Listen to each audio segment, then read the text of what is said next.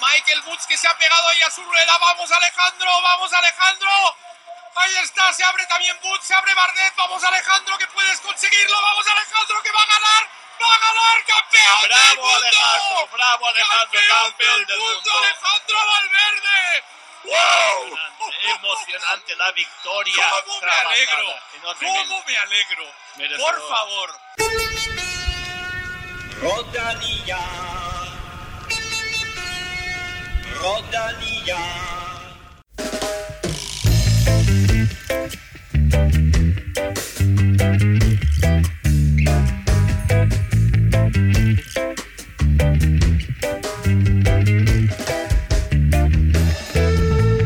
Por favor, glæde i Spanien endelig lykkedes det for 38-årige Alejandro Valverde at få tilkæmpet sig regnbuestriberne 15 år efter, at han stod på VM-podiet første gang. Rohan Dennis smadrede alle konkurrenterne, inklusiv Tom Dumoulin i mændenes enkeltstart, og hos juniorerne, der var Remco Evenepoel suveræn, og nu har hele verden fået øjnene op for drengen, de kalder den nye Eddie Merckx. De danske U23-drenge, de skuffede til gengæld både sig selv og os danske cykelfans, og så Holland og i særdeleshed Anna van der Breggen viste sig helt suveræn i kvindernes linjeløb. Velkommen til Velropa Podcast, hvor vi i dag ser tilbage på et flot VM i Innsbruck. Også velkommen til manden, de kaldte hest, Stefan Johus. Og manden bag VM i Wienersnitzel, Kim Plesner. VM i Wienersnitzel. VM i ja. Wienersnitzel. Det blev det faktisk næsten. Øh, Store Jan, Hvordan han, øh, han, udnyttede, han ud- udnyttede mirakler, skulle jeg til at sige, i, i køkkenet.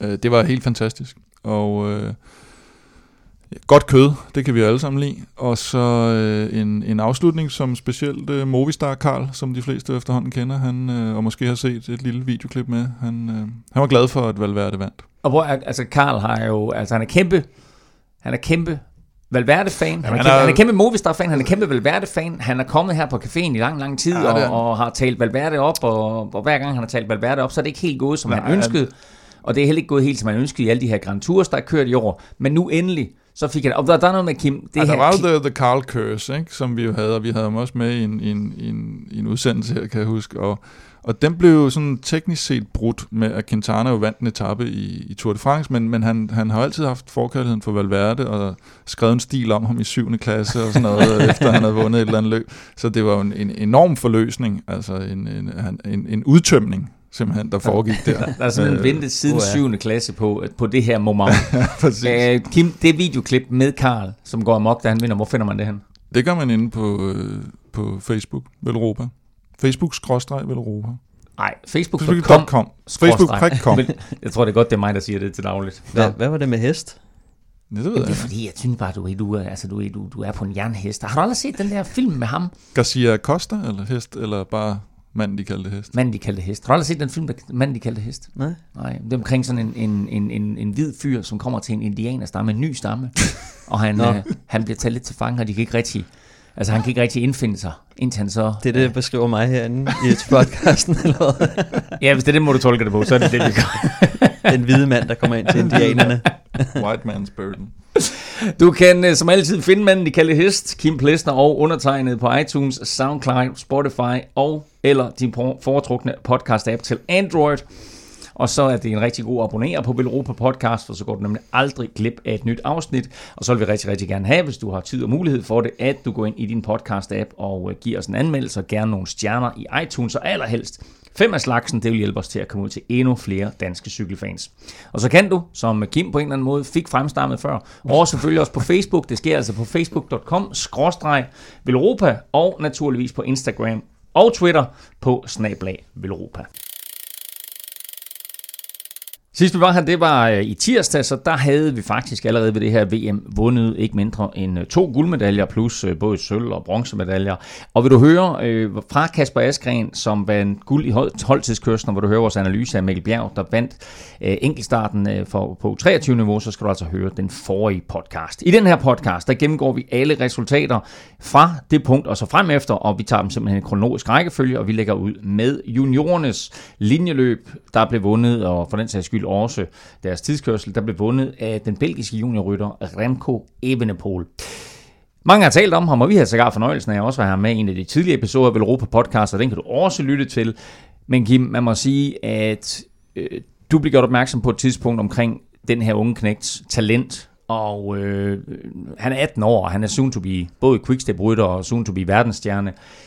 Først så satte han alle konkurrenterne på plads i enkeltstarten, og så øh, lader han sig nærmest falde tilbage i linjeløbet for at give de andre en chance for at vinde det her. Det var, det var noget af et linjeløb, han præsterede, noget af en præstation. Ja, jeg ved ikke, om han øh, var med i det styrt med vilje, men, øh, men han kom i hvert fald øh, blev involveret i, i et styrt, og, og skulle så lige pludselig køre sig tilbage, og, og det, det havde han sådan ikke de store problemer med. Jeg kan også huske, der var sådan en videoklip, hvor han lige, lige skubber en væk. Han er på Ja. vej til at køre op, ad, det- op forbi der, og sådan, kom lige væk, Marker, fordi nu skal jeg tilbage, og så kørte han sig tilbage, og da han så får tilbage ved de andre favoritter der, så, så satte han dem vel egentlig bare for jul en efter en, ikke? På, på, på den måde der. Og det var, jeg tror faktisk, det var øh, Ludvig Varker, som lige er blevet, øh, har fået kontrakt med Sunwebs øh, udviklingshold. Hans far Bo Varker, som er for, for DGI. Jeg tror, det var ham, der gjorde mig opmærksom på ham første gang. Fordi at de havde været nede og, og køre mod ham, ikke? og han sagde, hvad ham her. Det er helt åndssvagt, det der sker her. Ikke? Og så, så fandt vi ud af, at ham skulle vi måske lige snakke med. Ka- Eddie Merckx havde øgenavnet Kannibalen. Der er vel et kannibal over ham her også. Han er altædende. Altså knuser de andre på enkeltstarten, og så den måde, han vinder linjeløbet på her. Ja, den der, og så den, ja, den der måde, han kører på, ikke? at det er sådan noget, det er sådan noget tons nærmest, ikke? og det, det er virkelig bare power, og så, så, også, så har han jo den der, jeg synes, også da vi talte med ham, at han har, den, han har jo en ydmyghed. Han siger jo det der med, at, at, at jamen, han har ikke bevist noget andet end på juniorniveau. Nu må vi se, hvad han kan, når han kommer op på. Og så har han også den der, hvor han godt ligesom ved, hvad, hvad klokken har slået, ikke? og han er den der store, han, han er udmærket klar over det. Han har den der selvbevidsthed, der også skal til, for at han kan præstere under pres, tror jeg. Og specielt det der billede, der også var ham af GOAT, ikke? altså greatest of all time, Mm. hvor han laver sådan en, en uh, laver gedeskæg uh, med, fingrene. med fingrene der, ikke? og ved godt, han ved godt selv, at han... Øh, så kan du kalde ham ydmyg igen, ikke? Han er 18, Jo, år, men det det, han er 18 det- år og siger, at han bliver the greatest of all time. Ja, Men altså, prøv at, i år, øh, han har vundet øh, EM, både øh, enkeltstart og linjeløbet. Han vandt VM, enkeltstart og linjeløbet. Jeg tror, det er noget med, at det er fire eller fem øh, løb, han har stillet op i år, han ikke har vundet. Ellers har han vundet alt, mm. han har stillet op i. Altså, han har været helt, helt suveræn. Øh, hans præstationer under VM her har måske fået rigtig, rigtig mange, som ikke kendte til ham, til at spære øjnene op. Øh, Stefan, hvad kan det blive til for ham? Der er trods alt et spring, men altså alligevel, det her det er et unikt talent. Ja, bestemt. Jeg så også, at han havde øh, formet sit eget brand allerede. Øh, med t-shirts og lille fangruppe og det hele. Øhm, jamen, jeg tror, det kan blive rigtig stort. Øh, en, en, som jeg sammenligner ham ret meget med, det må være Julius Johansen, øh, som var den... Det tror jeg, øh, Julius er glad for. Ja, nej, men det, det mener jeg, fordi at Julius han var den samme type sidste år. Altså han var også den der, der bare var den stærkeste, og vi så ham også køre til, til VM, hvor han bare, han, han sad bare og ventede til han kunne få lov at køre. Øh, så jeg tror, det er, det er sådan, det er en rytter, øh, eller Julius niveau på nuværende tidspunkt. Så jeg går ud fra, at han kan, han kan gå ind og køre rimelig med i de, altså på tredje holdet af Quickstep. Fordi at der er trods alt et kæmpe spring. Han, ja, vi kommer ikke til at se ham i nogen Grand Tours eller nogle af de store løb. Det er jeg sikker på. Men, øh, men han kommer til at, at blive introduceret til det øh, blødt, og så kommer han til at få en rigtig god opbakning fra, fra Quickstep, hvor han bliver nøset frem. Øhm, Men tror du, han skal, tror du, han skal passe på lidt med den der hovski snovski? Der er jo, der er jo meget inden for cykelsporten, du ved. Hvis der, de Ja. unge kommer op, og så, så de gamle Ja. siger, ah, ja, bestemt. på, Marker, ikke? Øh, ja, ja.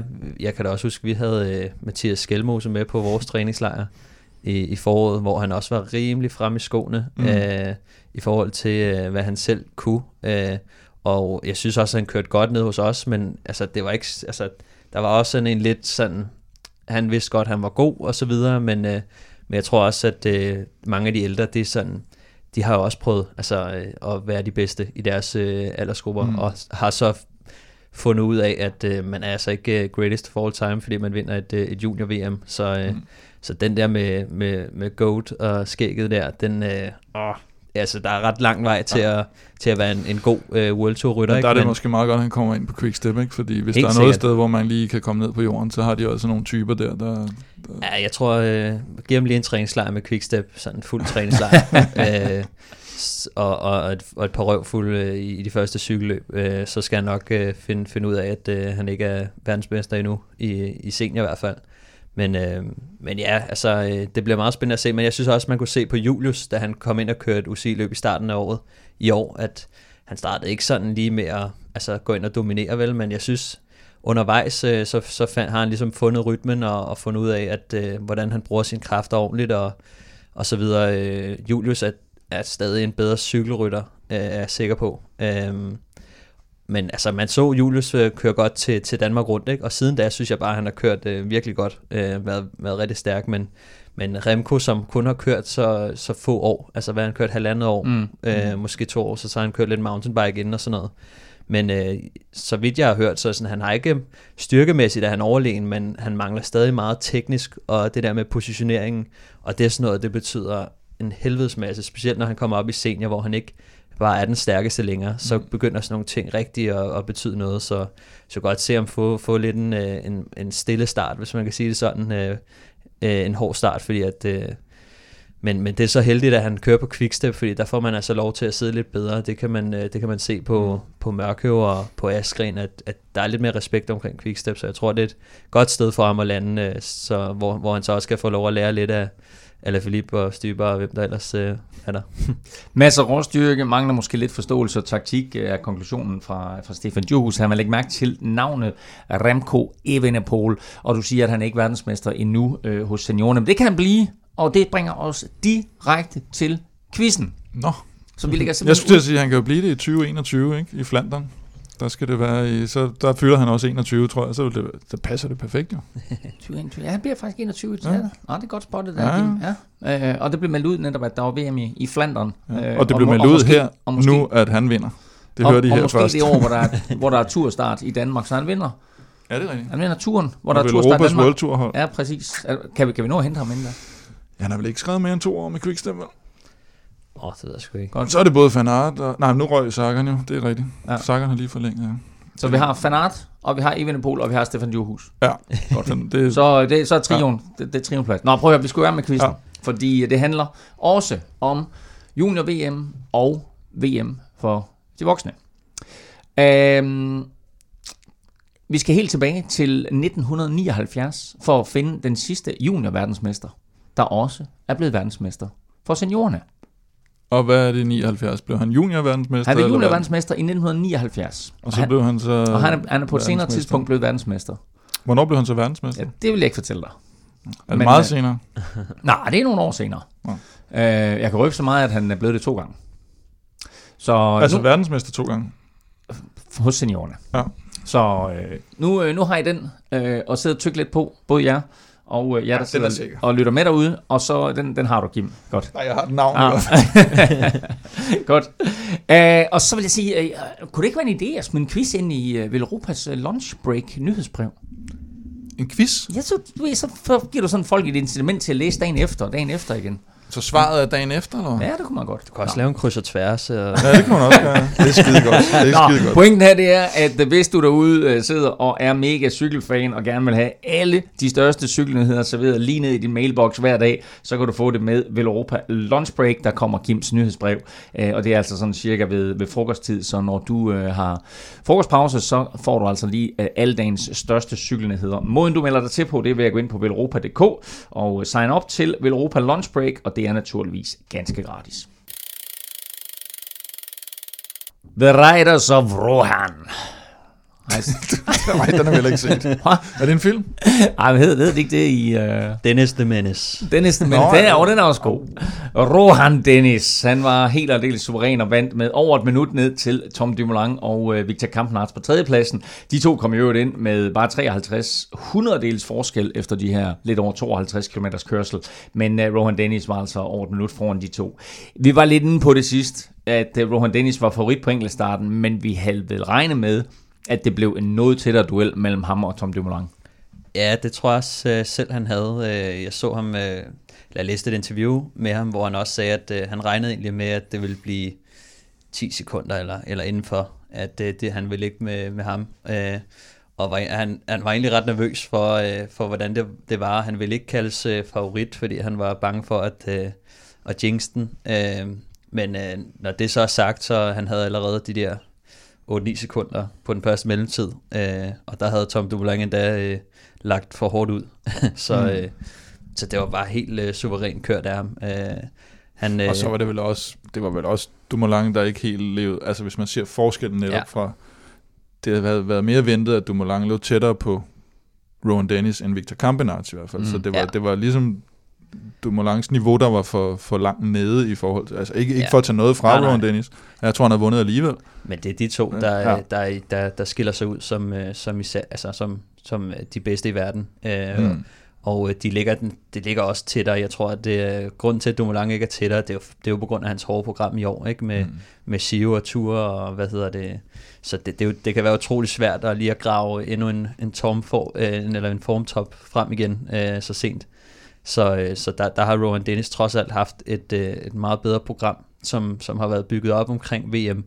Specielt i, øh, altså, øh, efter han skulle køre Sion, som han så endte med at blive syg og udgå af. Øh, men siden da har det hele bare handlet om at, at køre sig op til VM, og, og udgik jo af, af Vueltaen for at være klar og så Mm. videre. Så, så hans forberedelse har, har nok gjort, at det har været så stort et spring, øh, forskellen på deres, på deres Udgik, udgik løbsprogram. han i Giro?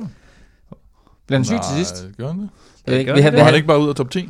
og jeg tror også, at vi havde, vi havde Alex øh, Rasmussen inde, der mente, at han skulle komme i top 10, og det lykkedes ikke. Jeg tror, jeg tror han fuldførte Giroen, men, altså, Okay. men du har ret i, at han, han forlod øh, Vueltaen. Da han ligesom havde vundet enkeltstarten i Vueltaen, så forlod han den og Ja. fokuserede på VM, og så kom han altså ned her til Innsbruck og, og knuste alle Så kørte modstandere. han jo heller ikke øh, fuld gas i, i linjeløbet, ligesom Dumoulin, kan man sige. Altså der havde Dumoulin også lidt fokus på... Han havde fokus på tre forskellige ting, kan man sige. Altså den linjeløb uge. var først Ja. ja. senere. Du kan sige, Ja, ja, ja, ja, men- holdtidskørslen, hvad? Og han men, havde nej, han men, men øh, at Dumoulin ved jo, at han også skulle køre linjeløbet, mm. så Mm. han har ligesom haft fokus på forskellige steder, hvor Rowan Dennis vidste, okay, vi varmer lidt op med, med holdtidskørselen, og så kører jeg fuld smadret i enkeltstarten, mm.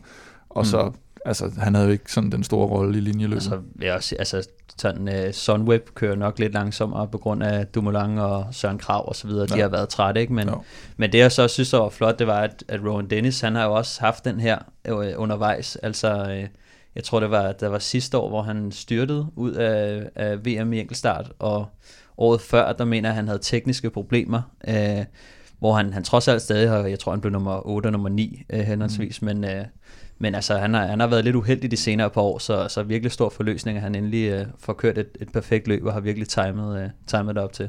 og har vundet mere eller mindre øh, samtlige enkeltstarter, øh, han er stillet op i, og med præstationen den her sæson, øh, Kim, så må vel også konkludere, at øh, Rohan Dennis er, er trådt ind på scenen som den måske ubestridt bedste enkeltstartsrytter lige nu.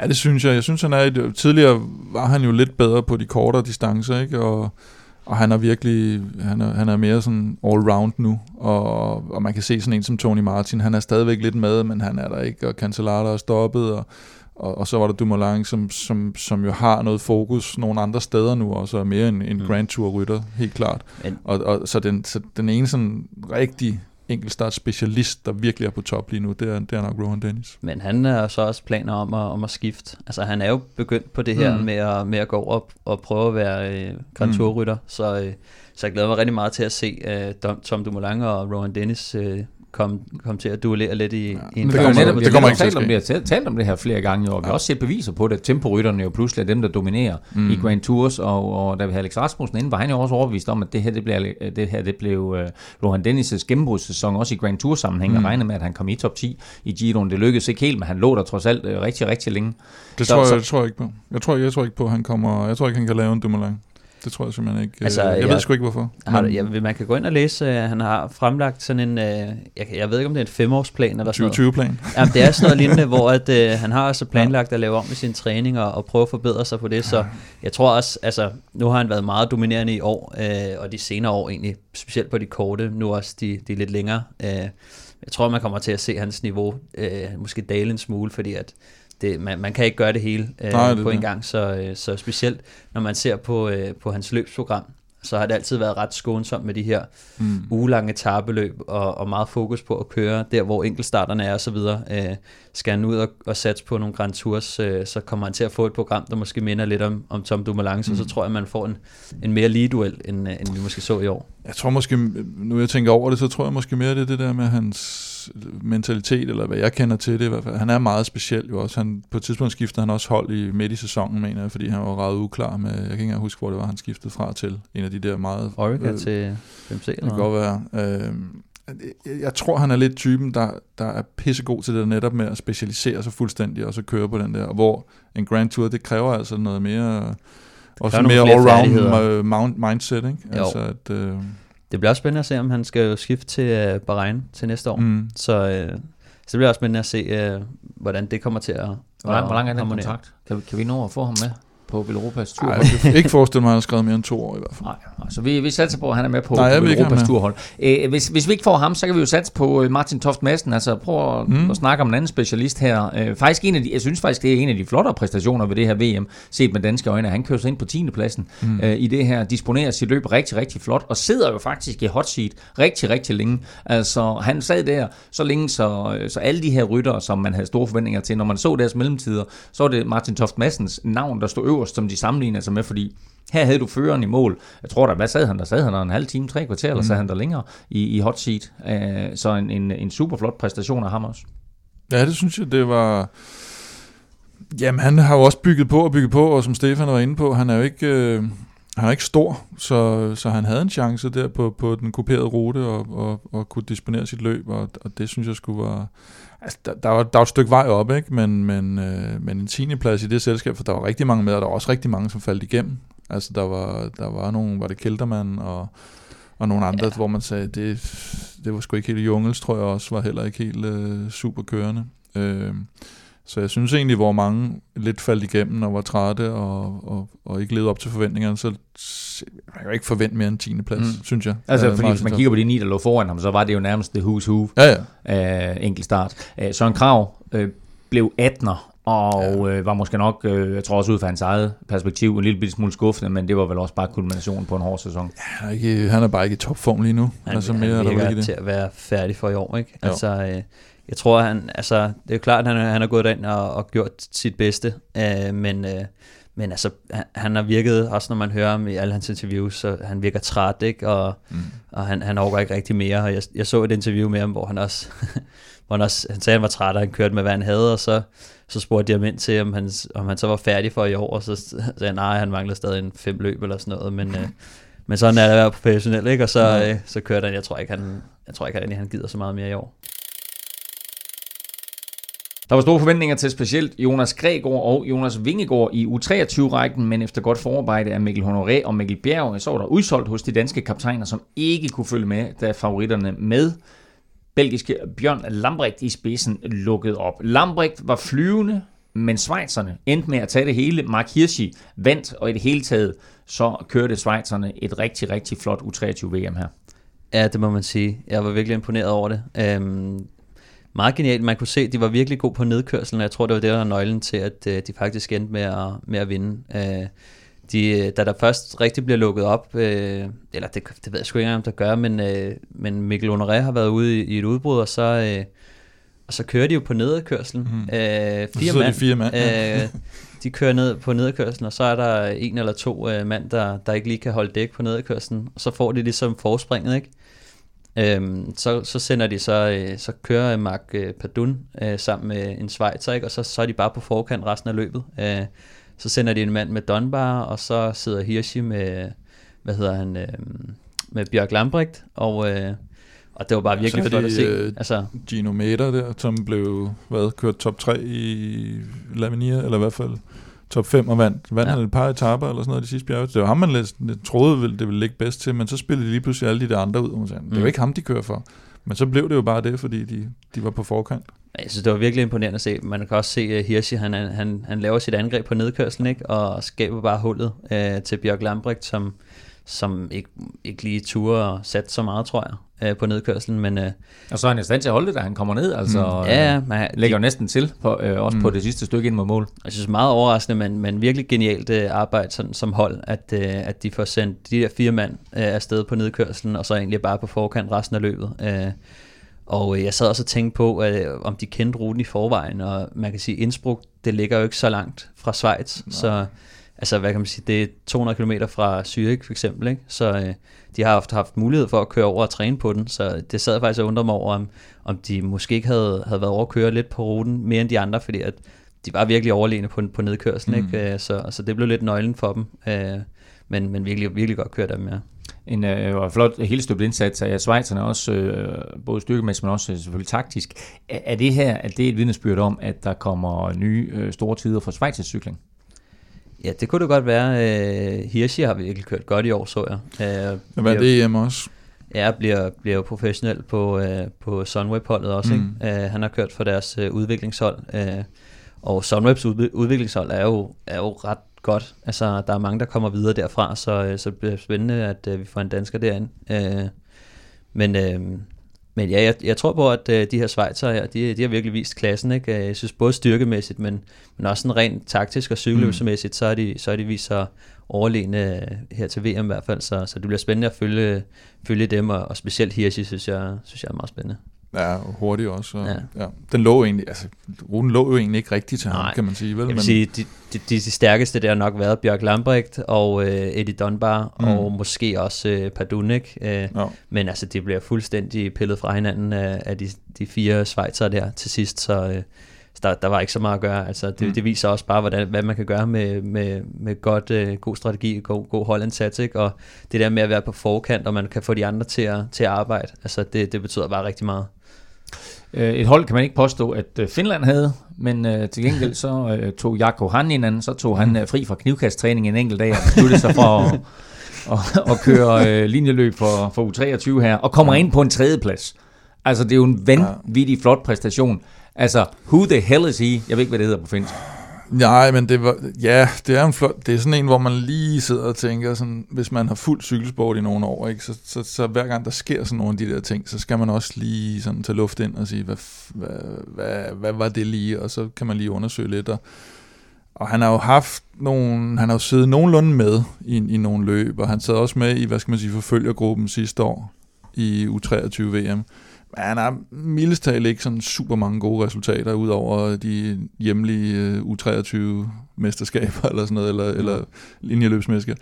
Og så lige pludselig, en uge før VM, så sætter han Rein Tarter med og Roman Sikar i et eller andet øh, lille øh, 2-1-løb, og vinder en eller anden bjergetappe, eller 1-2-løb, eller hvad fanden der. Og det, jeg, er sgu, puh, jeg har det bare lidt svært med de der ting, der lige pludselig opstår sådan lidt ud af den blå luft. Det, det, det skal man lige være lidt på vagt over, ikke? Uanset om vi kommer til at, at høre til ham øh, fremover, vil du, vil du sige et eller andet, Stefan? Nej, det ved jeg ikke. Jeg ved, at han kører på et, på et, frans, et lille fransk hold, ikke? Øh, ja. Har ikke engang nogen kontrakt, øh, så det, det, det kan være, at vi får, får mere at se til ham nu. Han kommer højst sandsynligt ind på et kontinentalhold, går jeg ud fra. Øh, jeg tror ikke, at der står, øh, står så mange og venter, fordi at de, de, de vil jo gerne se noget kontinuerligt og, og nogle, Ja. altså Mm. noget, noget, noget talent, så at der kommer en og, og måske overpræsterer til, til et VM. Det, jeg tror ikke, det er sådan Jo, men det er jo ikke sådan noget med, og man kan jo heller ikke beskylde ham for noget som helst, men man skal bare, med, med cykelsportens historik skal man bare være opmærksom på de her ting. At når, altså nogle Nå, gange, det når er det, der, du er på vej når det, jo, men det er det, når det, når det er for godt til at være sandt, så er det nogle gange for godt til at være sandt. Og, og nu må vi se, hvordan han udvikler sig osv., men, men der er nogle ting i det her, netop den der pludselige opblomstring, øh, og og, og relativt stor gut i relativt tung gear på toppen af en stejl bakke og sådan noget. Så der er sådan nogle elementer, der er... Og tæt på Rusland, ikke? Jeg vil sige, det, er oftere, det er oftere, der opstår overraskelser øh, i juniorklassen, og, og nogle gange også U23-klassen. Altså, Ja, ja, der kan man nogle gange godt komme... Øh, komme Og han er heller ikke helt væk i de resultater, han har Nej. lavet tid til, men det, men det er en meget påfaldende lige pludselig øh, formtop, han har fået. Ja, her. så jeg troede, du sad og roste ham, og du, at han havde formtoppet på et rigtigt tidspunkt, og så beskylder du ham for øh, ulovligheder. Ulovligheder? Ulovligheder? Er det ikke, er det ikke der, Nej, du jeg hen? ved, det, jamen, jeg ved det ikke. Jeg siger bare, at hvis man har, været, hvis man har kigget på øh, folk, der cykler i så mange år, som jeg har, så er der, hvis der popper sådan noget op, så, så, så, så skal man bare lige holde øje med, om det er en øh, Mustafa Sayer, eller hvad han hedder. Bernard Kohl eller en Ja, ja, altså- altså, Mauricio Soler, kan jeg godt huske. Der er nogle øh, underlige ting, der er sket, i, og, og så forsvinder de igen, eller, eller også så, så bliver de bedt om at forsvinde. Eller også så er det en, der, der bare aldrig har fået chancen, og nu får han så måske et hold, og så viser det sig, at han er... Indtil videre, er en, en Rasmus Byrjel, ikke? På en eller anden måde. indtil videre, der har han vundet bronze hos U23-rækken, eller i U23-rækken af nu 2018. Øh, og det gjorde han altså øh, foran øh, begge danskere selvfølgelig, eller alle danskerne, som, som ikke rigtig kom til at spille nogen rolle. Og det gjorde rytter, forhåndsfavoritter, som Ivan Sosa og Brandon McNulty heller ikke. Altså, de faldt lidt igennem, og det var vel også et udtryk for den her rute med de mange omgange og Eaglesbjerget og hvad det ellers var op over, øh, at den, det, var, det var en hård rute. Ja, Jeg det tror, var det. jeg tror faktisk, at ingen pis. Kan du ikke huske, vi sidste uge, hvor vi sad, hvor jeg sagde et eller andet med, om du havde undervurderet rutens hårdhed? Så, den der Glasgow-reference. Jeg tror faktisk, at en TV2-reporter spurgte en af Jonaserne om, om de havde undervurderet rutens Ja. hårdhed. Det synes jeg var ret fedt til et VM, hvor alle bare snakker om ruten i en halvanden år. Men tror, også, ja, jeg tror, han spurgte Gregor faktisk, Ja. og han var også sådan lidt, Øh, nej. Men det der med at, at undervurdere, det er ikke fordi, altså man gør ikke rigtig noget andet. Altså om ruten, den er lidt hårdere, end man havde forventet, eller lidt, lidt nemmere, end man havde forventet. Mm. Det er sådan, altså man går derind i samme form. Ja, ja, det er det. det er mere sådan noget, hvis man... Øh, hvis man har udtaget et øh, fladbanehold, øh, og så bliver de sat på en eller anden stigning, som, som man ikke lige havde regnet med var så Ja, hård. præcis. Men når de møder op med det stærkeste hold, og dem, der kan køre opad, så er der ikke noget med at undervurdere. Det, det er simpelthen et, et De var der bare ikke, og det sagde de og det, de var jo de var meget ærlige omkring det også, og pisse skuffet, ikke? Og, det, de, og, og de var der slet ikke. Altså, da toget Nej. kørte, der var, altså, der var ikke engang, sådan, det var ikke engang tegn i noget, at der var nogen, der for, forsøgte at følge med i noget som helst. De var bare helt væk. Jeg synes, at Honoré, han gjorde det, han gjorde det rigtig godt, ikke? Ja. Men det var jo meningen, at han skulle komme lidt på forkant, og så skulle de, de andre øh, øh, kunne sidde og, og, og ikke at Mm. skulle føre med, altså sidde og køre med de andre, men øh, ja, der, der var, der Jo, var bare ikke noget på dagen. Man kan vel sige sådan, at hvis man skal være virkelig bagklog, og det er jo klart det nemmeste, at så havde det måske endda været bedre at sige øh, Honoré og Mikkel Bjerg, som jo er i super ja. Ja. form i hvert fald. Kunne de måske have gjort noget set i lys af, hvordan Schweizerne kørte, hvor det jo heller ikke var de der bjergfolk, der faktisk øh, gik hen og vandt. Ikke? Altså kunne man faktisk have kommet længere med og have sparet dem lidt. Men altså, Det kunne Det er en relativt bagklog, en, øh, øh, måske teori. smide sådan en som Julius Johansen ind, kunne have været meget sjovt, øh, vil, vil jeg tænke, fordi at, jeg, ruten den så hård ud, men jeg synes også, man kunne se, at altså, der var alligevel nogen, der, der var lidt tungere, øh, som, som kunne sidde med. Mm. Altså, det var ikke... Altså, vi så Valgren gøre det skide Mm. godt, ikke? Og vi så, øh, vi så altså, Hirschi, som måske ikke er sådan ren bjergrytter, Præcis. men altså, der var flere, der ikke var ren bjergrytter, og, og Honoré, han er rigtig god til at køre opad, men er også lidt for stor, ikke? Men, Mm. men jeg synes, man så, at øh, der var alligevel mange, som ikke var ren bjergrytter, der sad med på den rute, så måske havde de endda overvurderet den lidt. Ja. Altså, øh, de kunne måske godt have taget øh, dem, der var med, altså de- dem i bedst form med, i stedet Mm. mm. for at tage øh, de bedste bjergrytter det synes jeg også, det viste i alle de andre løb. Altså det, det er formen, der virkelig, Ja. der virkelig spillede ind. Øh, Van Aumart var også ude af angreb, for eksempel, ikke? og han er jo heller ikke. Ja. Nå. Anyway, Jamen, øh, så fik vi vendt det, Så og vendt øh, med det, øh, der er det meget glæde at kunne sige, at det næste, det skal dreje sig om, det er kvinder. Heller ikke hos kvinderne gik det set med danske øjne helt efter planen i linjeløbet. Der var der ellers store medaljeforhåbninger til Cecilie Utrup Ludvig, og så var mountainbike-verdensmesteren Annika Langvad med i en lidt uvandt rolle. Men det blev, som du havde kaldt, Stefan, forhåndsfavoritterne fra Holland, der fuldstændig dominerede begivenhederne. Øh, og øh, Kim, kan du ikke lige... Øh, altså, Stefan har været helt væk på det kvindecykling på det sidste, bortset selvfølgelig fra det her med Holland. Jeg er klar i dag. Du er klar i dag? Bare rolig.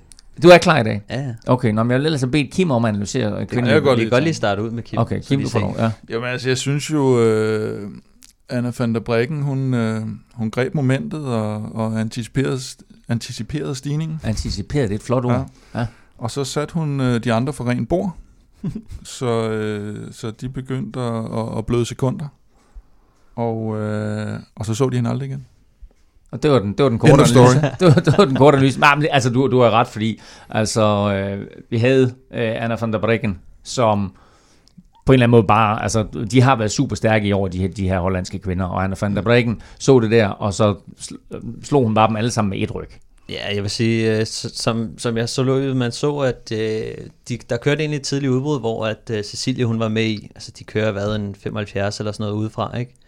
Øh, hvor at Cecilie hun faktisk, øh, det synes det, det ser rigtig fornuftigt ud, hun kører afsted med, med en hollænder, ikke? Ellen van Dijk, øh, som, som er skide godt at køre med en af, en af hollænderne, når de, når de er store favoritter. Øh, og tidligere italienske verdensmester Guderzo var der også. Øh, Var hende der Finden, der også øh, Ja, det var sådan- til hendes holdkammerat? Ja. ja men hun var top. men altså, de, de, Ej, hun var i hvert fald stor. Hun blev sat som den første. Og Men altså, de, de formår ligesom at få, få, et, øh, få et hul, og, øh, og så bliver der først virkelig sat, sat fart på, og øh, de, da de så bliver hentet igen, så er der jo ikke mere end, øh, end, end 20 tilbage øh, i gruppen, øh, hvor Annika Langvad så også sidder, hvilket var lidt overraskende for mig i hvert fald. Mm. Selvom jeg, jeg, jeg vidste, hun var stærk, så havde han, altså, så jeg ikke rigtig regnet med, at hun sad så godt med. Øh, men da der så kører en, en gruppe igen, hvor Ellen van Dijk så er der igen, og, og nogle andre stærke, så får de jo et minut eller sådan noget, og Ellen van Dijk bliver sat. Og så var det jo sådan lidt på halen hollænderne der, men øh, Så så lige pludselig så kørte, øh, var det, det Van Fløjten, der der faktisk lige, lige, lige sætter, Ja. og så kører Anna van der Breggen, og jeg tror, det tager hende to kilometer at lukke et minut eller sådan noget.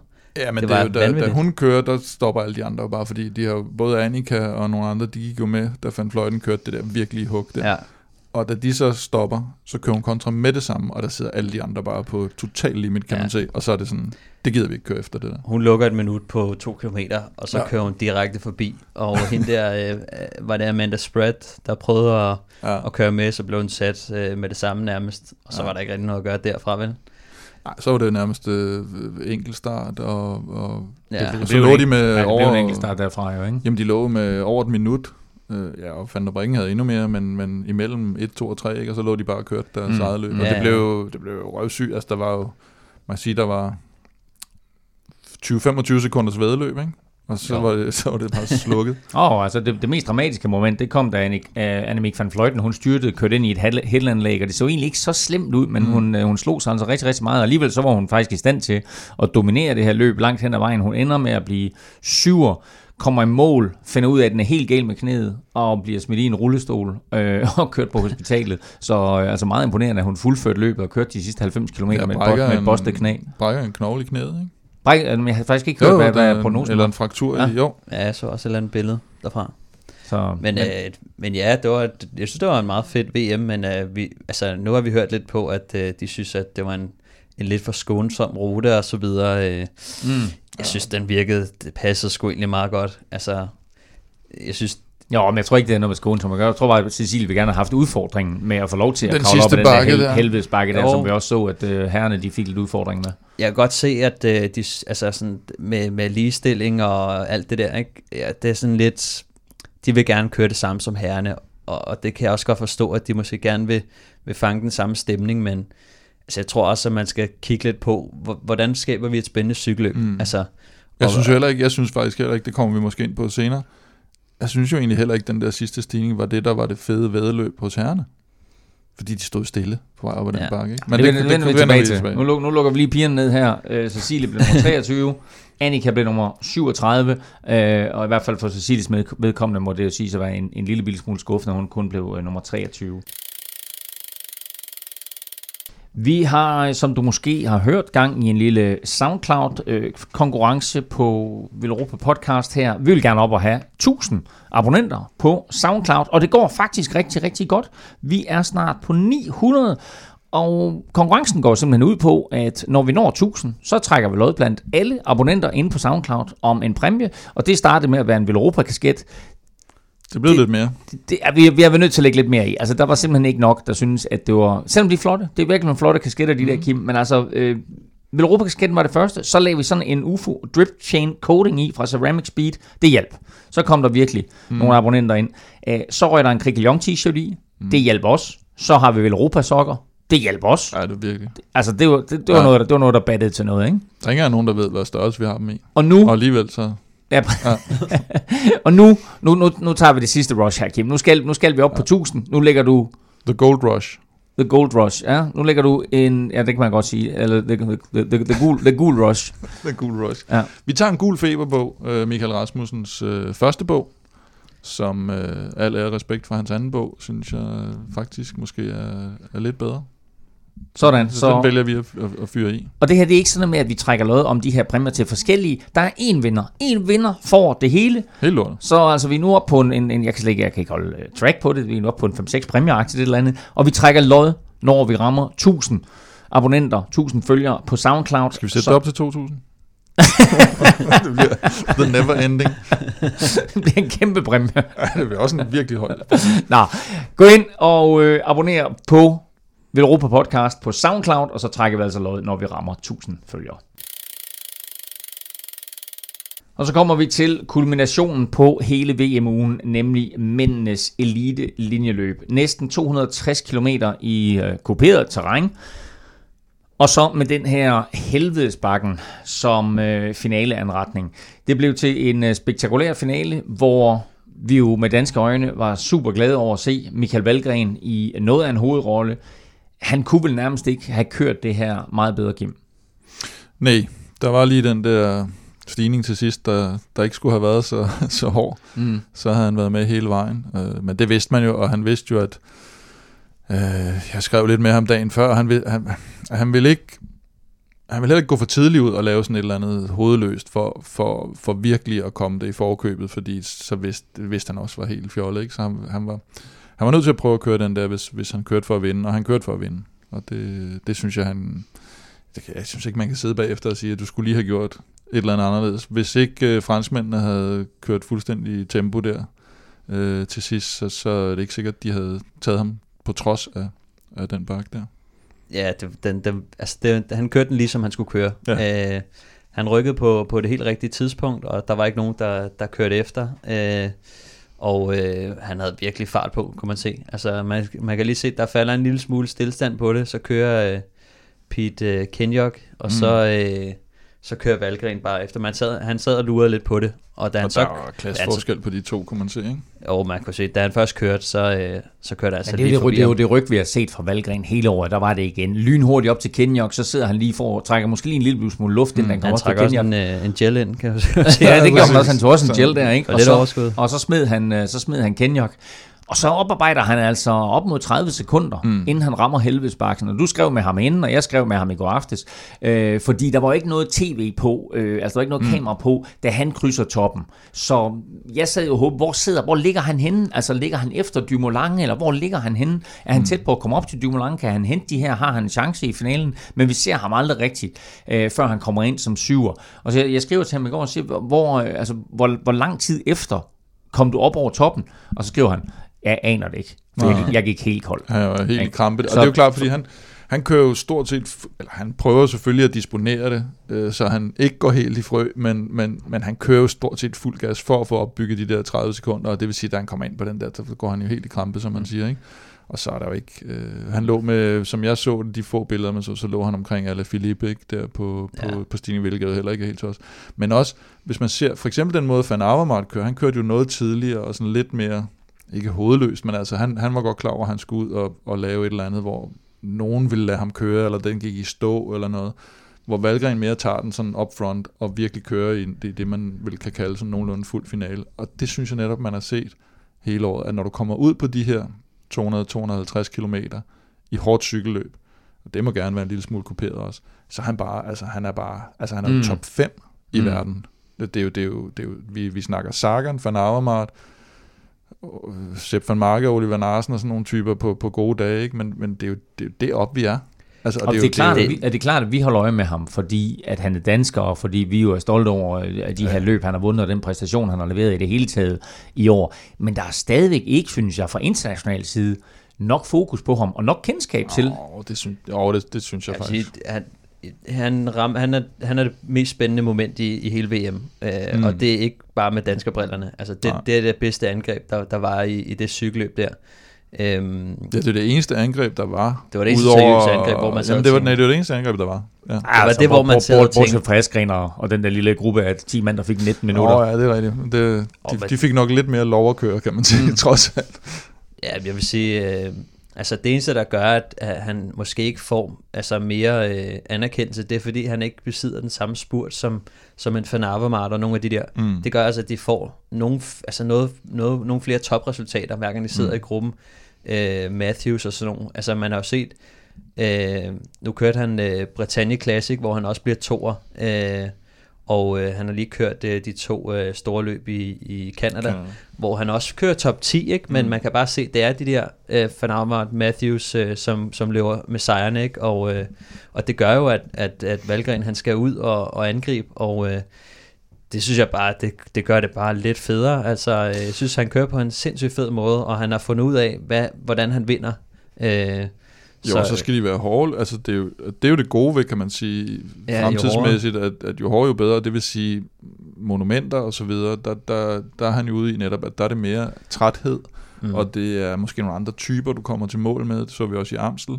En, Ja. ja. en Kreuziger, som han har noget lettere ved at baske, ikke, end, øh, end, end netop en Van Avermaet. Men var det det ikke Kreuziger, der slog ham på stregen øh, til VM? Jo, men jeg er ikke, det, det, så ikke sådan, det, det lignede ikke sådan en, en, øh, en spurt om sejren. Nej, han kørte sige. den lidt, lidt for langt, ikke? Men ja. jeg tror også, altså, når Valgren han kører, så, så satser han jo hele butikken. Ja. Øh, og og man, man kan ikke sidde og anticipere særlig meget.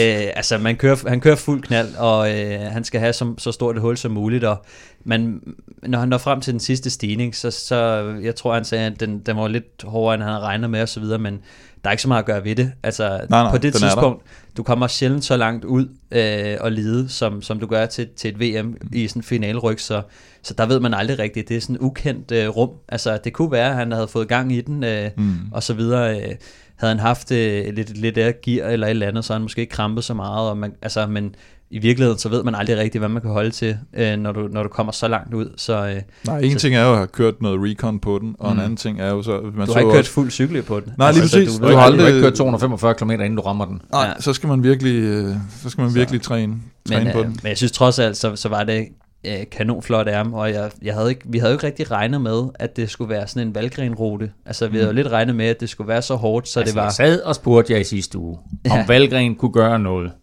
Og så siger I nej, så skal han stikke af langt udefra. Ikke? Det jeg gjorde han også. Ah, han, han stak af på den sidste omgang. Det er 20, 20 km ude, eller sådan Ja, langt, langt. Det er langt, udefra. langt ude. Han, han gjorde det super, super flot, øh, Michael. Øh, jeg var vildt underholdt. Ikke kun af ham, men af hele det her cykelløb i det hele taget. Jeg synes, det var mega fedt. Jeg synes, det var fedt med den her rundstrækning. Det var imponerende at se alle de mange, mange tilskuere, der var mange af rytterne efterfølgende, der roste arrangementet og, og roste øh, tilskuerne og sagde, at det var helt, helt vildt, altså nærmest at, at køre. Det var nærmest sådan en stadionfølelse, havde de.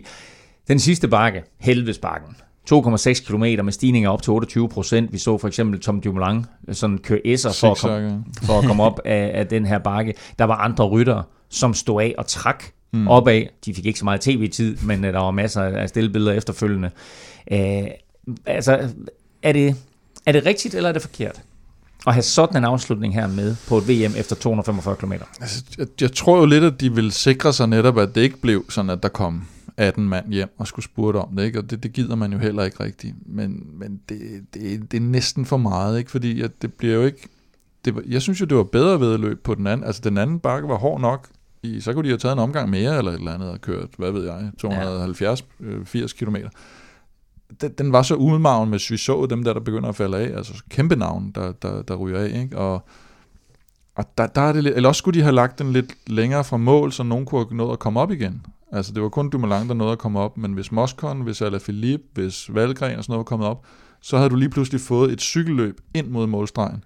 Her der var det sådan lidt Valverde, det var for nemt for ham. Og, altså der, hvis, man, hvis han kom over den der stigning, så er det... Øh, altså, så, så man vidste jo, at han ville vinde. Hvad, hvad, hvad siger du, Stefan? Altså, jeg er ikke, jeg er ikke helt enig. Øh, nej, men øh, det kommer an på. øh, Jeg synes, det var et godt cykelløb. Øh, Ja, enig. Så jeg vil sige, du, du ved aldrig, hvad du får, hvis havde der været længere, havde der været kortere, var løbet blevet kørt anderledes, men jeg synes, vi fik fedt cykelløb, og øh, jeg synes, at øh, trods alt, så den her stigning, det var ligesom det der krydderi på toppen. Mm. Ikke? Man vidste ikke rigtig, hvad der ville ske.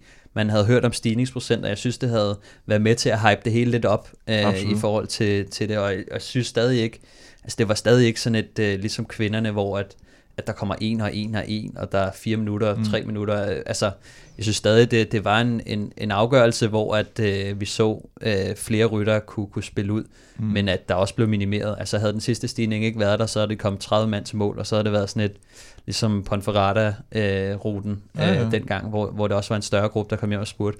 Og det synes jeg også er fedt, men jeg synes bare, at i år, så har det været sådan lidt den fortælling af, nu kommer den her bjergrytter mm. hårde rute.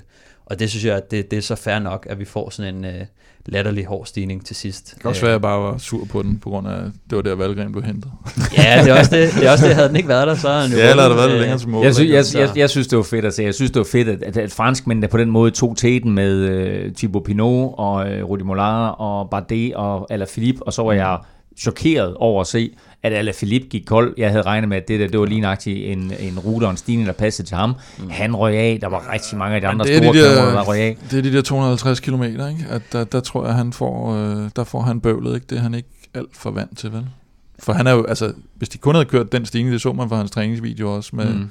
altså hvis de bare skal køre i 45 sekunder op ad sådan en stigning, så, så er der jo ikke nogen, der slår ham.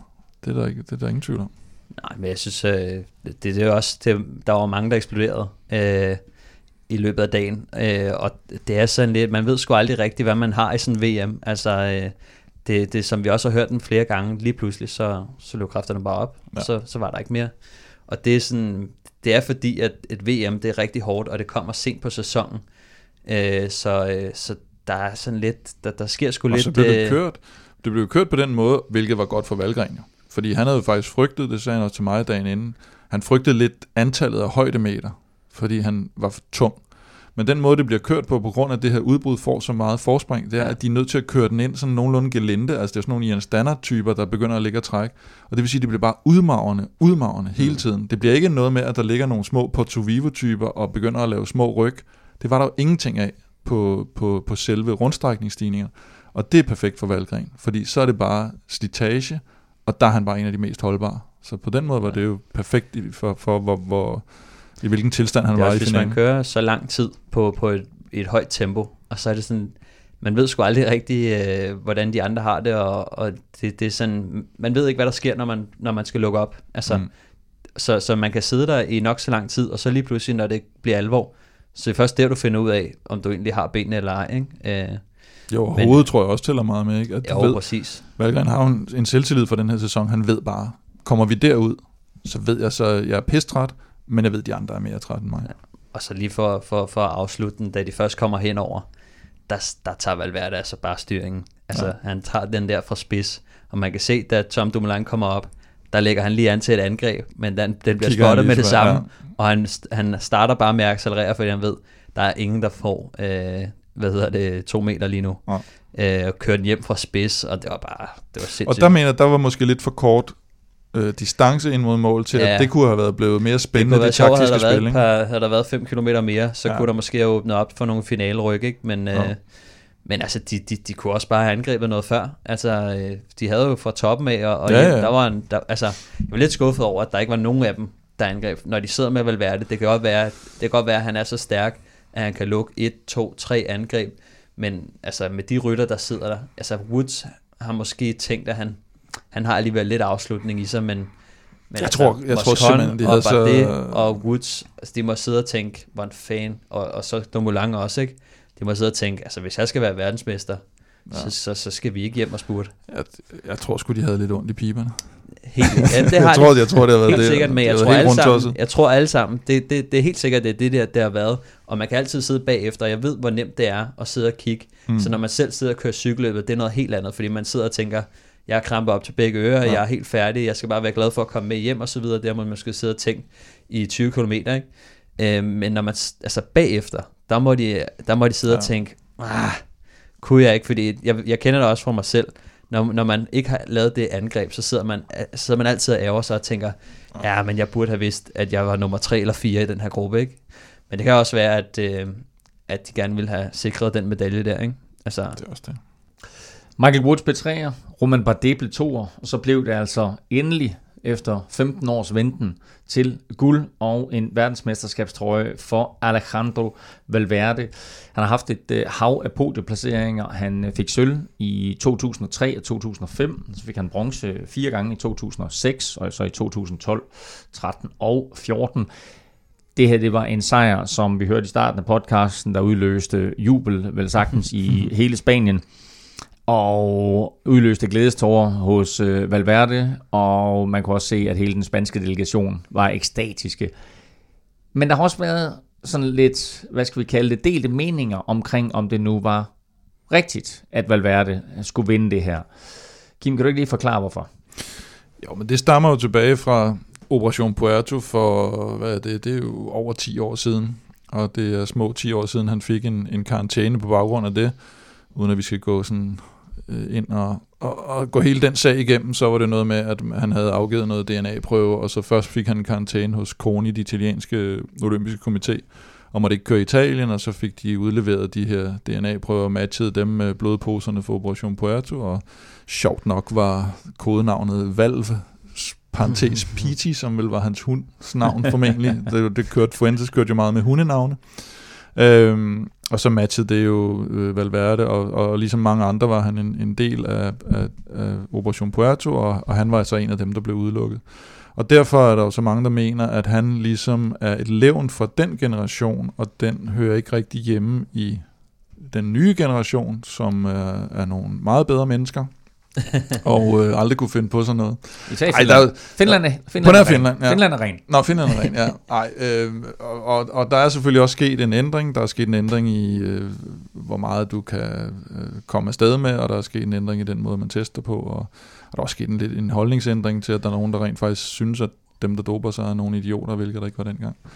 Og så er der jo så delte meninger, og nogen mener jo, at han øh, har kørt selvfølgelig på samme betingelser som de andre, siden han kom tilbage, og derfor skal hyldes helt øh, og aldeles normalt og synes, det er en smuk historie, og han er en god cykelrytter, og så er der andre, der synes, at det, det har, han har aldrig rigtig angret det der, og, og, og har Nå, ikke så lad mig spørge jer. Hvad synes I? Jeg, jeg har ben i begge lejre, tror jeg. At jeg, kan, jeg kan godt se, hvad, hvad, hvad begge... Øh, jeg kan godt følge begge argumenter. Mm. Lad, lad, mig, lad mig lige sige, altså vi har, vi har et par, par øh, lytterspørgsmål, vi kommer til lige om lidt, mm. Men der er også øh, flere kommentarer inde på Twitter, øh, blandt andet som Michel Frost, altså Dan, Dan Frostes søn, skrev, nu øh, regner jeg med, at I hylder mm. Valverde, så der er vel sådan en eller anden form for, i cykelmiljøet, altså en eller anden form for accept af, at han har udstået sin straf. Jamen, det er også den, jeg hælder mest til, kan man sige. Fordi både det der med at, at, at sige, jamen, dem han kørte mod dengang gjorde formentlig det samme, og hvis dem, der kører i dag, kørte under samme betingelser som dengang, havde de formentlig gjort det samme, alt andet lige. Og, øh, og, og man må formode, at han jo har kørt under de samme betingelser i, øh, i de sidste 10 år, til, til 15 år, øh, som de andre, og derfor så, så kan jeg ikke se, hvorfor man ikke skulle øh, Men der skulle er også det i det, altså jeg har det også delt, fordi jeg synes, han er en fed rytter, og en, han er en stor mester, og det er ikke sådan, han er et svin overhovedet. Han er meget, øh, altså han har noget klasse. Mm. Øh, på den anden side, så, øh, så har han været en del af den generation, og Mm. øh, altså han har taget noget, som han ikke måtte. Mm. Øh, det er jo, altså det står sort på video, så, øh, og jeg ved bare, at hvis, hvis jeg nu havde øh, taget, øh, jeg ved ikke, altså kørt øh, Lance Armstrong-programmet, eller øh, hvad hedder det, Liberty Seguros-programmet, eller hvad fanden de hed. Hvis jeg havde kørt det i 10 år, og så holdt en pause på, på to år, så havde jeg bygget en anden fysik op. Mm. Mm. Øh, og og den, den forsvinder altså ikke bare, den fysik. Fordi alt det, de har taget, det gør altså, at de kan træne noget hårdere, restituere noget bedre, og har du en overrække med det, så bliver du en bedre cykelrytter. Mm. Det er der ikke så meget at sige til. Øh, så på en eller anden måde, så, så synes jeg, han er fed, og, og, men på en eller anden måde, så har jeg det også sådan lidt, det, det ville også være, være rart at få pakket dem lidt væk. Altså, mm. så, så tag den øh, VM-trikot, øh, og, og så, så synes jeg også, det, det bliver fint at, at komme lidt videre fra, fra den gamle generation, som, som har lidt øh, blakket ry. Sådan, så fik vi lige en bred side i, øh, mod Valverde der. Vi skal selvfølgelig undskylde til Karl. Nej, det synes jeg ikke. Jeg synes Ej, jeg egentlig, synes stadig, vi fik øh, nogle meget Altså- vage svar for os begge to. Nå, nej, men altså, jeg, jeg kan egentlig godt lide øh, altså, øh, Stefans argumenter, øh, så jeg synes, at det er helt I modsætning til mine. Ja, prøv at, det er virkelig sjældent, du kommer med gode argumenter. uh, vi, skal, vi skal lige vende en enkelt rytter ja. også, uh, som i den grad er den nye generation, nemlig uh, Kasper Askren, som uh, lægger sig ud for morgenen i et uh, 3-4-mands udbrud, og, og så kommer der nogle rytter op, og så ender de med at lægge 11 mand sammen, og de her 11 mand, de får altså 19 minutters forspring. Mm. Kasper Askren bliver liggende derude, han bliver liggende derude, altså sådan øh, nærmest lidt Remco Evenepoel-agtigt, så smider han det bare en efter en, indtil han øh, til sidst sidder alene sammen med en nordmand, og de to, de holder altså hele vejen øh, ind til øh, den sidste stigning. Ja. Ej, jeg synes, han har, jeg synes, han har fået nok omtale, Kasper. Jeg synes ikke, vi skal, skal også jeg passe synes- på, ikke at blive...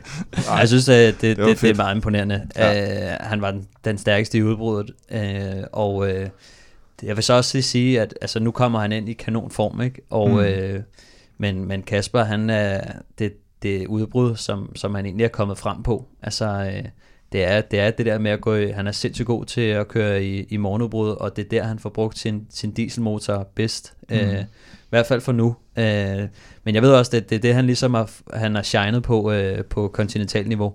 Det har også været, øh, altså han har taget mange, mange bakketrøjer og sådan noget, ikke? Øh, hvad hedder det, øhm, og, og det er der, han bliver god, for vi kan se, at han kan slide de andre op, og det var også det, han, det er også det, han kunne på kontinentalt niveau. Altså, han, han er bare en, en bumstærk rytter, og, og når han får lov at komme ud og, og opslide andre, så, så, så kan han altså også det. Vi, øh, vi så i det hele taget en, en, en øh, ganske solid dansk indsats, selvfølgelig med, med Askren og øh, Valgren i, i, øh, som de mest markante. Fuglgren, Fuglsang, kommer ind som nummer 20, og Emil Vinibo gennemfører ja. også. Øh, også en flot præstation af ham, Stefan. Ja, jeg synes, at, altså, jeg havde lidt forventet, øh, at han ville køre rigtig godt.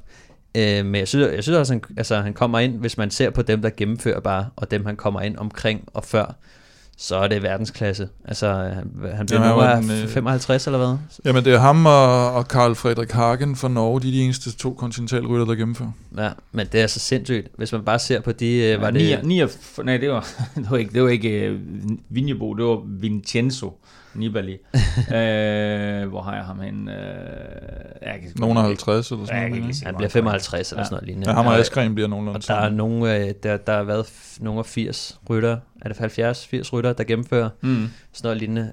Øh, men altså, nu, jeg synes det er sjovt, jeg kan jo, jeg kører jo nogle gange mod de der, altså nu har jeg kørt meget mod, mod Vinjebo, øh, og har kunne mærke hans niveau. Mm. Øh, jeg har også kørt lidt mod, mod Valgren, og kører, kører nogle gange mod, øh, mod Mørkøver, nogle af de World Tour rytter, og det, det er sjovt, fordi at, altså, man kan jo godt mærke på dem, når de er pissegodt kørende. Øh, så jeg kørte gadeløb op mod, øh, mod øh, hvad hedder han, øh, Valgren for noget tid siden, øh, det er en måneds tid siden eller sådan noget, hvor han også bare kørte snotten rundt i hovedet på os alle sammen. Mm. Og der, det er bare der, man, man, man på det her niveau kan, kan tænde sig tilbage og sige, okay, kører han, så, altså, kører han snotten rundt i hovedet på os alle sammen, så kan han også et eller andet på det niveau. Altså, fordi at vi ligger der, vi ligger jo lige på, på kanten til, til, det, altså til Pro Conti og World Tour niveauet, kører nogle gange mod dem, og øh, man kan bare se, hvis de skiller sig meget ud fra os, jamen så kan de altså også lave noget på, øh, på, øh, på World Tour niveau. Så, øh, så jeg kunne mærke både på, på Valgren dengang, at en fuldstændig sindssyg, altså mm. godt kørende, og jeg synes også, jeg kunne mærke på, på Vinjebo over de, de senere par måneder, at øh, han har altså et niveau, der, der godt kan gøre sig på, på, på World Touren, så, øh, så det bliver også spændende at følge ham. Han kører jo øh, for, for mit øh, hold, rival Ceramic Speed næste år, så øh, Pro Conti. jeg, jeg, jeg havde forventet, at han ville køre rigtig godt. Hvad siger du? Ja, på formentlig Pro Conti niveau, hvis Ja, ja, det- papirerne bliver godkendt. Ja, lige præcis. Askren ind som 52, Vinjebo ind som 55, og øh, 76 ryttere gennemførte. Af ryttere, der ikke gennemførte, der er der altså nogle rigtig, rigtig store kanoner imellem. For eksempel øh, Niklas E. Nik Niklas E. Nej, også Superman Lopez og Peter Sagan og andre, som øh, man måske havde, havde regnet med skulle, øh, skulle spille en rolle her, men det gjorde de altså ikke. Øh, et flot dansk øh, VM. Øh, selvfølgelig ville vi gerne have haft medalje, men en syvende plads til Valgren er trods alt mere end ac- accepteret. Vi har fået et lytterspørgsmål, som er ret interessant, fordi øh, det er Victor, der spørger, nu hvor Bjarne Ries gerne vil have et dansk cykelhold, hvorfor bliver han så ikke landstræner? Er det fordi, der ikke er nok prestige i det, eller hvad? Øhm, ja, jeg synes også, det, det er faktisk et meget godt spørgsmål. Øhm, øh, jeg tror ikke, jeg tror Bjarne, han er øh, trods alt så stort et øh, ego. ikke, ikke på, sagt på en dårlig måde, men øh, han vil gerne øh, bygge folk op. Altså jeg tror, det er det, hans passion er. Han vil gerne have folk fra, fra start, tage sådan nogle som slikbrødrene, ikke? Og, og bygge dem op. Øh, Jakob Fuglsang har han jo også meget øh, tilknytning til. Øhm, jeg tror, han, han har mange specielle idéer, som han kun kan udføre, hvis han har et cykelhold. Øh, så jeg tror, at den der landstrænerrolle, selvom Ja, så hvor han har dem hele året man egentlig tænker, at den ligger lige til, til højre benet, ikke? Mm. Øh, for eksempel, en, øh, når man ser til, på fodbolden, Morten Olsen, eller øh, man, vi Mm. snakker om Laudrup og så videre, så vil Bjørn Ries måske også passe godt ind i rollen, fordi han er øh, den bedste cykelrytter, øh, vi har haft, måske, ikke? Øh, Måske. Ja, så, så, så, men, men jeg tror egentlig bare, at det, landstrænerrollen er en ret lille rolle. Altså, man, man har ikke de her rytter i hænderne ret meget, øh, og man, man har ikke så stor indflydelse på, på rytterne, så, så på den måde, så tror jeg ikke, at det, det, det, er, en, det, er, en, det er for små sko til, til Bjørn Ries. Vi har, øh, vi har et lytterspørgsmål mere også, og det, er fordi, og det passer perfekt, fordi jeg egentlig gerne vil, øh, vil tale lidt om uh, Tom Dumoulin. Vi nævnte ham tidligere. Han bliver to år i holdtidskørslen, han bliver to år i enkelstarten, og han bliver altså fire i linjeløbet. Han er blevet to år tidligere i øh, Giro d'Italia, han blevet to Tour i, i Tour de France, ikke? Altså, øh, han, han har kørt en flot sæson. Og lytterspørgsmålet her kommer fra Jeppe Holm Atkins, som spørger, er Tom Dumoulin, nu, går, nu bliver vi sådan lidt historiske, men er Tom Dumoulin den nye Raymond Poulidor, den evige toer, to i Giroen, to, to i turen, og så to i alle de her øh, VM-ting, vi lige har nævnt, og så altså godt nok fire i, i linjeløbet. Bare det er også toer øh, i Tour de France i 2016 og to af VM i 2018, men det er ikke helt det samme, skriver øh, Jeppe Holm Atkins altså. Men hvor har vi, hvor har vi Tom Dumoulin hen? Fordi jeg er vildt imponeret over den sæson, han har kørt. Ja, mm. det, ja, han er måske lige næsten gabt over for meget, ikke? og det er måske derfor, han ender med, med andenpladserne, men, men sidste år, der vinder han jo så til gengæld øh, både VM i enkeltstart og Giro d'Italia. Så man kan sige, en, der allerede har, har vundet de ting, så, så jeg tvivler på, jeg, jeg tror måske mere, det er tilfældigheder, at han... øh, Og, Altså 2018 var i hvert fald hans år, hvor han var den evige, evige. Ja, det kan Ja. man sige. Men jeg, jeg tror egentlig, det har, det har været sådan lidt, lidt tilfældigt. Ikke? Og der, man kan også sige, at den måde, han tager i gåsøjne Giroen på, var relativt spektakulær. Øh, Ja, det må man sige. den, den er ikke, havde det ikke været for deres, øh, for deres øh, hvad var det, vi kaldte den for? Deres øh, strategi skar jo med alle deres, Aktionen. øh, Den store deres, aktion. deres Den store aktion med 12 mand, og så, så var det jo aldrig gået. Nej, øh, det kunne lige så godt have været blevet øh, 3-4 førstepladser, ikke? Jeg men, tror men også- måske skal han lige øh, give lidt ned, og så fokusere på to ting i stedet for fire ting. Eller sådan Har vi nogen rytter i år, der har haft en sæson på niveau med Tom Dumoulin? Nej, så, nej. Nej, det har Så synes uh, Geraint Thomas, kan man jo godt sige, men det var han vandt jo turen, men jeg tror, at UCI-pointsmæssigt, så tror jeg, at, at Dumoulin, han, uh, han ligger rimelig godt til. Nej, jeg tror ikke han ligger. Er det ikke, øh, hvem fanden er det? Simon Yates, tror jeg faktisk ligger over. Ja, det er øh, klart. Dumoulin, ikke? Men, Men, øh, øh, ej, jeg, og han har også haft en god sæson, ikke? Med, med. Vuelta sejr, og så gik, selvfølgelig trækker det ned, at han gik ned i Giroen, ellers havde Mm. mm. han også været deroppe af, ikke? Men han er heller ikke, han øh, forsvandt også under VM, ikke? Altså Dumoulin, han bliver altså også fire dertil. Det, det er sgu, nej, der er ikke nogen, der, jeg det, synes, det siger vi. han, øh, Der er ikke det- nogen, der har haft øh, det er nok det højeste niveau, uh, sådan set over en hel sæson, Vi vil ham. jeg sige. Uh, Sådan. Så på den måde, der er det faktisk okay at være den evige toer i, Ja. i, i Ja, det synes 2018. Skulle du derude sidde og have lyst til at stille lytterspørgsmål, så modtager vi dem super gerne, og du kan stille dem øh, alle mulige steder. Du kan stille dem på Instagram, du kan stille dem på Twitter, eller ved at skrive til Kim. På kontakt, snabelag, veleuropa.dk. Vi skal altså have en, over, vi skal have en ordentlig en. Altså, vi skal have en eller anden... Altså sådan, Har vi egentlig ikke det? Jeg tror også, vi har tror, en jeg tror, podcast. Nå, men indtil videre, der er det altså Skriv. kontakt, kontakt snablag veleuropa.dk, og så tager vi øh, spørgsmålet op her i Veleuropa podcast. Det her VM, jeg synes, det var fedt. Jeg synes, at det var øh, en spektakulær by afholdt i, en spek- spektakulær omgivelser, både ruten, men også alle de her fantastiske tv-billeder, vi fik af Innsbruck og, og omegn. Hvad vil I huske VM for om, lad os sige, fem år? Altså alt efter hvordan det går med vores unge belgiske ven, så kunne det jo godt være, at det var der, hvor Remco Evenepoel han fik sit gennembrud, eller, eller at, at verden fik øjnene op for ham. Øh, hvis, hvis han bliver så stor, som, som nogen tror, han gør, så, så, så kunne det godt være det. Jeg synes, uh, Valverdes uh, endelige guldmedalje, det Ja, er nok den, den, øh, store uh, overskrift, og så synes jeg også, at Rohan Dennis, der sætter sig på tronen. Uh, det, det har været nogle år undervejs også, så, uh, så det er sådan et år, hvor uh, det er sådan et gennembrudsår uh, for, for de rytter, der, der har taget guld i hvert fald. Er det også en gennembrudsår for den her type af rute? Ja, det bliver nogle, altså nu ja. ved vi jo, hvor det skal være de næste. Yorkshire næste år bliver en fantastisk rute, og det bliver en, fan- altså også specielt for en rytter som Valgren, eller, eller alle vores ryttere nærmest med Mads P., Valgren, Søren Krav, Kort, bliver helt fantastisk rute for lige skruet lidt ned på helvedesbakke tingene, ikke? og mere en klassikerrute. Og sindssygt mange mennesker, er man sikker på. ikke. Og så er det Schweiz, som vist også har en ret fed rute. Og så kommer Flandern i 2021, så det, altså, det er ikke sådan, at man sidder og tænker, øh, solter øh, Cipollini VM Det er, øh, det er gode danskere uh, steder Ja, det er de næste par år. Så det, det vil jeg bliver- sige til dem, vi har lige nu. Så øh, ja, det... Vi, vi, jeg kan ikke huske, hvad spørgsmålet var nu. Jeg spurgte om, om det var et gennembrud for, for en rute af den her type her, øh, også i VM-sammenhæng. Nej, det tror jeg ikke. Jeg tror, ruterne vil, de vil, de vil Nej, være... man har jo den der opskrift, altså at øh, det er de her mellemruter, ikke? altså Jo. de her klassikerruter.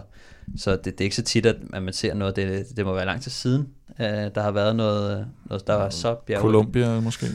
Ja, men øh, Hvis vi kigger på Danmarks VM, øh, startede det jo øh, vanvittigt succesfuldt ud med øh, guldmedaljer, og sølvmedaljer og bronzemedaljer, og så gik vi lidt kolde sådan, øh, senere på ugen. Hvis vi laver en samlet vurdering af Danmarks indsats for det her VM, hvordan ser så ud?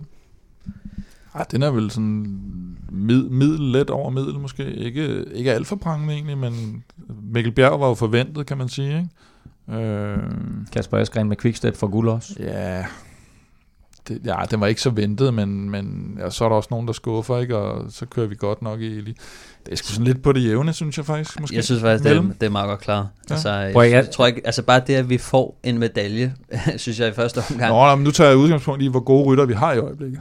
Jo, ja, ja, men så kan du også sige, hvor, hvor godt snakker vi om, at den passede til, til de danske rytter. Ikke? Ja, Vi det er snakker om, det, det er måske fuglsang, øh, der kan gøre noget. Og jeg tror stadig ikke, altså sådan, han havde ikke kørt en medalje hjem, øh, uanset hvad. Mm. Altså måske var det ham, der kunne have blevet nummer syv, øh, havde den været, som vi havde forventet. Ikke? Mm. Øh, men jeg synes trods alt, at øh, vi har en, en Mikkel Bjerg, der vinder øh, en skuffelse i, øh, hvad hedder det, U23 herre, ikke? Øh, hvor mm. de falder lidt igennem. Jeg synes, Cecilia, hun viser lovende takter, og trods alt med, altså hun kører med i, i et seriøst mm. angreb. Måske lidt for langt ude, det koster hende lidt til sidst. Øh, og så i, i Hernes, der, øh, altså, der er vi jo rigtig godt med. Altså, Ja. ja. øh, vi, det, vi kunne have haft en verdensmester, og øh, det synes jeg, jeg synes hellere, at man skal tage chancen. Altså, det synes jeg er meget federe, at man, man går all Nå, in ja, på det. Ja, ja. Øh, fordi Valkan, han, altså, ja, måske kunne han godt have kørt en øh, femteplads hjem, men altså, fuck det. Altså, det er hellere, Og så, fik efter. vi, og så fik vi tv-billeder af finalen i år jo faktisk. I modsætning til til, at det var i. Norge, Er eller rigtigt? Ja, Kort han prøvede jo øh, sidste år. Ja, sidste- han var 500 meter fra at blive øh, verdensmester. Nå, jamen, øh, så lad os, lad os få sat en eller anden form for karakter på her. Øh, Jeg har ikke styr på den nye karakterskala, så jeg siger bare fra 1, rigtigt. et, fra 1 til 10. Øh, hvor 10 Altså er bedst. dansk indsats? Ja. Øh, så resultatmæssigt vil jeg sige en seks stykker. Øh, hvad skal man sige, sådan... Præst, øh, hvad, hvad kalder man det andet? Altså, sådan, Ja, som de- det er jo, altså præstation, kan vi sige præstation og resultat, eller hvad? Ja, altså resultatmæssigt, der var det sådan lidt som forventet måske, ikke? At, at, at det var der, vi fik medaljer. Øh, så var der nogen, vi kunne have fået, nogen vi missede. Men jeg synes bare, indsatsen, kan man så sige, den, den var... Jeg synes ikke, der var sådan et eller andet, hvor man sad tilbage med sådan en fesen fornemmelse og sagde, nej, der kunne de sgu godt lige have. Nej, vi har fået set danskerne fremme, det synes, ja. jeg, det synes jeg har været fedt. Så, så, Så en otte, otte stykker på øh, en indsats, 7-8 stykker på indsats, ikke? og seks på resultater, Ja. siger vi. Er du enig Det med vil sige. Ja, det synes jeg. Ja. Okay, jamen, der har vi det. 6 for resultat, 8 for indsats. Ja, ja. Det giver altså... 14. på 13 skala. 14 på en 10 skala. Det er pis godt. Vi nærmer os afslutningen, de her, og dermed så skal vi selvfølgelig også have svaret på quizzen. Og øh, mit quizspørgsmål var, hvilken rytter har vundet junior-VM, og jeg fik endda et årstal på, der var 1979. Hvad laver man på telefonen der, Stefan? Hvad laver man med den telefon, Stefan? Ej, det er pinligt. Det der. det er pinligt, det, det er der. P- Ej, øh, Det er p-skive. Når du sætter pris. Jamen det tror jeg da pokker, når du sådan i taler, taler 32 minutter om, øh, om VM, øh, at du skal stille pris. Om linjeløbet for herre. Om, om udelukkende om linjeløbet for herre. Ja. Uh, jeg spurgte, hvem der var hvem der vandt junior VM i 1979, og senere vandt VM for seniorerne. Og så Var det junior? Var det ikke U23? Ja? Jeg sagde junior, Var det det?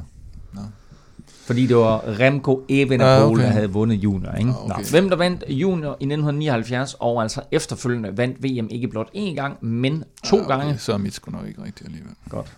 Jeg skal have et bud. Gianni Bugno. Er ikke korrekt. Nej. Der er nok også lidt for kort tid mellem han var junior, så til han Ja. vandt VM. Men han vandt VM to gange. Ja, Gianni Bugno, er det korrekt? Det var det, jeg ligesom... Jamen, jeg tror ikke, han vandt junior VM. Det er nok ikke gjort. Så er du fri, så er du frit lejde, havde han sagt. Fri bane. Der er en hel motorvej åben nu. Ja, Jeg gider ikke sige andre. Jamen, jeg, jeg, jeg har faktisk ikke rigtig noget bud. jeg, Jupp jeg, Sodemælk. nej, Jeg, jeg kan hjælpe så meget, at han vandt VM i 1983 og 1989. det hjælper kun Kim jo. Du, du, 83, altså, det, ja. det, det er en proces, det her, Stefan, hvor det er sådan, at vi uddanner dig okay. i historisk cykling. Ja, Jamen, jeg er pisse dårlig til VM, faktisk, for at ikke skal være løgn. jeg er dårlig i alt, alt før uh, Bjørn Ries. Det, Jeg siger Fignon. Man kan sige, at... Øh, det var ungdomstour de France og Nå, øh, okay. alt det der. Det, det gættede du også på sidst. ja. Ja. When life hands you lemons, make gin and Nej, tonics. det er ikke uh, Greg LeMond. Det er Greg LeMond. Ja, For en gang skyld, ingen point til hverken Kim Plesner eller Stefan Johus. Mm. Nå, jeg havde, altså regnet, jeg havde regnet med dig, Stefan. Blev han virkelig verdensmester to gange? Det var jeg ikke engang klar over. Det er seriøst. Det, Jeg sad og tænkte Det på, øh, ja, altså det, kan, det er jo nemt at sige bagefter, ikke? Men øh, jeg, havde, jeg, ville, jeg ville have gættet på Le Mans eller Lance Armstrong. Ej, lad nu være med det der. det kan du ikke sidde og sige nu. Det, er så, det er så helt igennem latterligt, det Jeg der. også sige, det Så- eneste navn- Så skyd, I stedet for så at sige, jeg har ikke noget, så skal Jeg er bange for, jeg er bange for at blive til krigen herinde, ikke? Ja, det skal du jeg ikke synes, være. Du skal øh, skyde, når du, når, du, når du bliver spillet fri på fløjen i håndbold, så skal du bare skyde. Ja, hvad fanden? Dennis Ritter? Ole Ritter. Ole Ritter. Ole Ritter. Nej, det er... Det kommer jeg til at sige Dennis Ritter. Ja. Nå, jamen øh, desværre ikke nogen point. Til gengæld så kan du derude øh, score træningspoint, hvis det er sådan, at du tropper op til onsdagstræningen her på Velropa Café, og i og med, at det er blevet lidt mørkere og så videre, så sætter vi træningen i gang tidligere end så vanligt. Så onsdag, der er der træning klokken 17.00, øh, og vi kører stadigvæk søndagstræning, ikke Kim? Jo, søndagstræning ja. fortsætter Når mere eller mindre hele året. kommer du så også? Ja, Ja, kommer jeg er med hver gang. Nå, In, okay. in, in spirit. Hvad hedder det? Jeg synes, at det er et stykke tid siden. Vi har fredagsbar. Mm. Skal vi ikke snart have en fredagsbar? Det skal vi faktisk på fredag. jo. Altså nu på fredag? Ja, det er den første i måneden. Halløj taler. Jamen, øh, jamen, det er jo perfekt. Så er der onsdagstræning, fredagsbar og søndagstræning. Jeg kommer til en af de tre ting. Okay, så må man- det er ligesom rouletten, men Okay, hvad for en? Der, øh, vi øh, fortalte i sidste uge, at øh, der var øh, pladser tilbage på din Flandern rundt tur. Er der stadigvæk det, Kim? Ja, det tror jeg faktisk, der er. Ja. Der er jo lige nogen, der hoppede fra af de forhåndstilmeldte, så... Vi snakker om hvad, to-tre stykker eller sådan noget? Ja, fordi der er jo en masse af dem der, der... Doku ringede jo også her. Do, det er ikke sikkert, der er nogen, der ved, hvem Doku er, men Doku han ringede og sagde, jeg skal med. Og så siger jeg, "Jamen, så betaler du bare det postum. Jamen, jeg skal med. hvorfor er der begrænsning på? Hvad, hvad, hvad, hvad bliver der begrænset? Der bliver begrænset antal pladser, fordi så kan vi have jo øh, minibus og sådan noget, ikke, som folk skal kunne sidde i. Nå, partybus og- Ja, partybus. Ja. Det hele. Når de, Ja, vi skal kunne have plads til et par kasser triple karmelit og sådan noget. Det Ikke? er rigtigt, der skal være plads til at tage øl med hjem. Ja, det skal der. Nå, og hvis man skal med, så skal man øh, skynde sig at få betalt det der depositum. Ind på facebook.com kan jeg forstå, skråstreg Velropa, og der er en begivenhed, der hedder Flandern Rundt, og der ligger et link til øh, depositumbetaling. Halløj. Ja. Skide godt. Jamen, øh, gør det, og du kan selvfølgelig melde dig til Flandern rundt. Der er altså en, en to-tre pladser, og øh, så er der vel nærmest ikke øh, mere at sige øh, for os, end at øh, hvis man har lyst til at følge Velropa, så kan det altså som sagt ske på både Twitter og Instagram, og det, øh, der skal du gå ind på Snablag Velropa. Stefan finder du på Snablag Stefan Djurhus, og undertegnet kan du følge på Snablag NFL Ming. Tak fordi du lyttede med. Tak for nu. Og hvad var det, hvad var det spanierne sagde i starten? Det var ikke bravo. Det var, hvad var det, det var? Vamos. Nej, det var Vamos. por favor. Nå, por favor, det var til sidst jo. Til sidst, Spanien. Valverde er verdensmester. Por favor.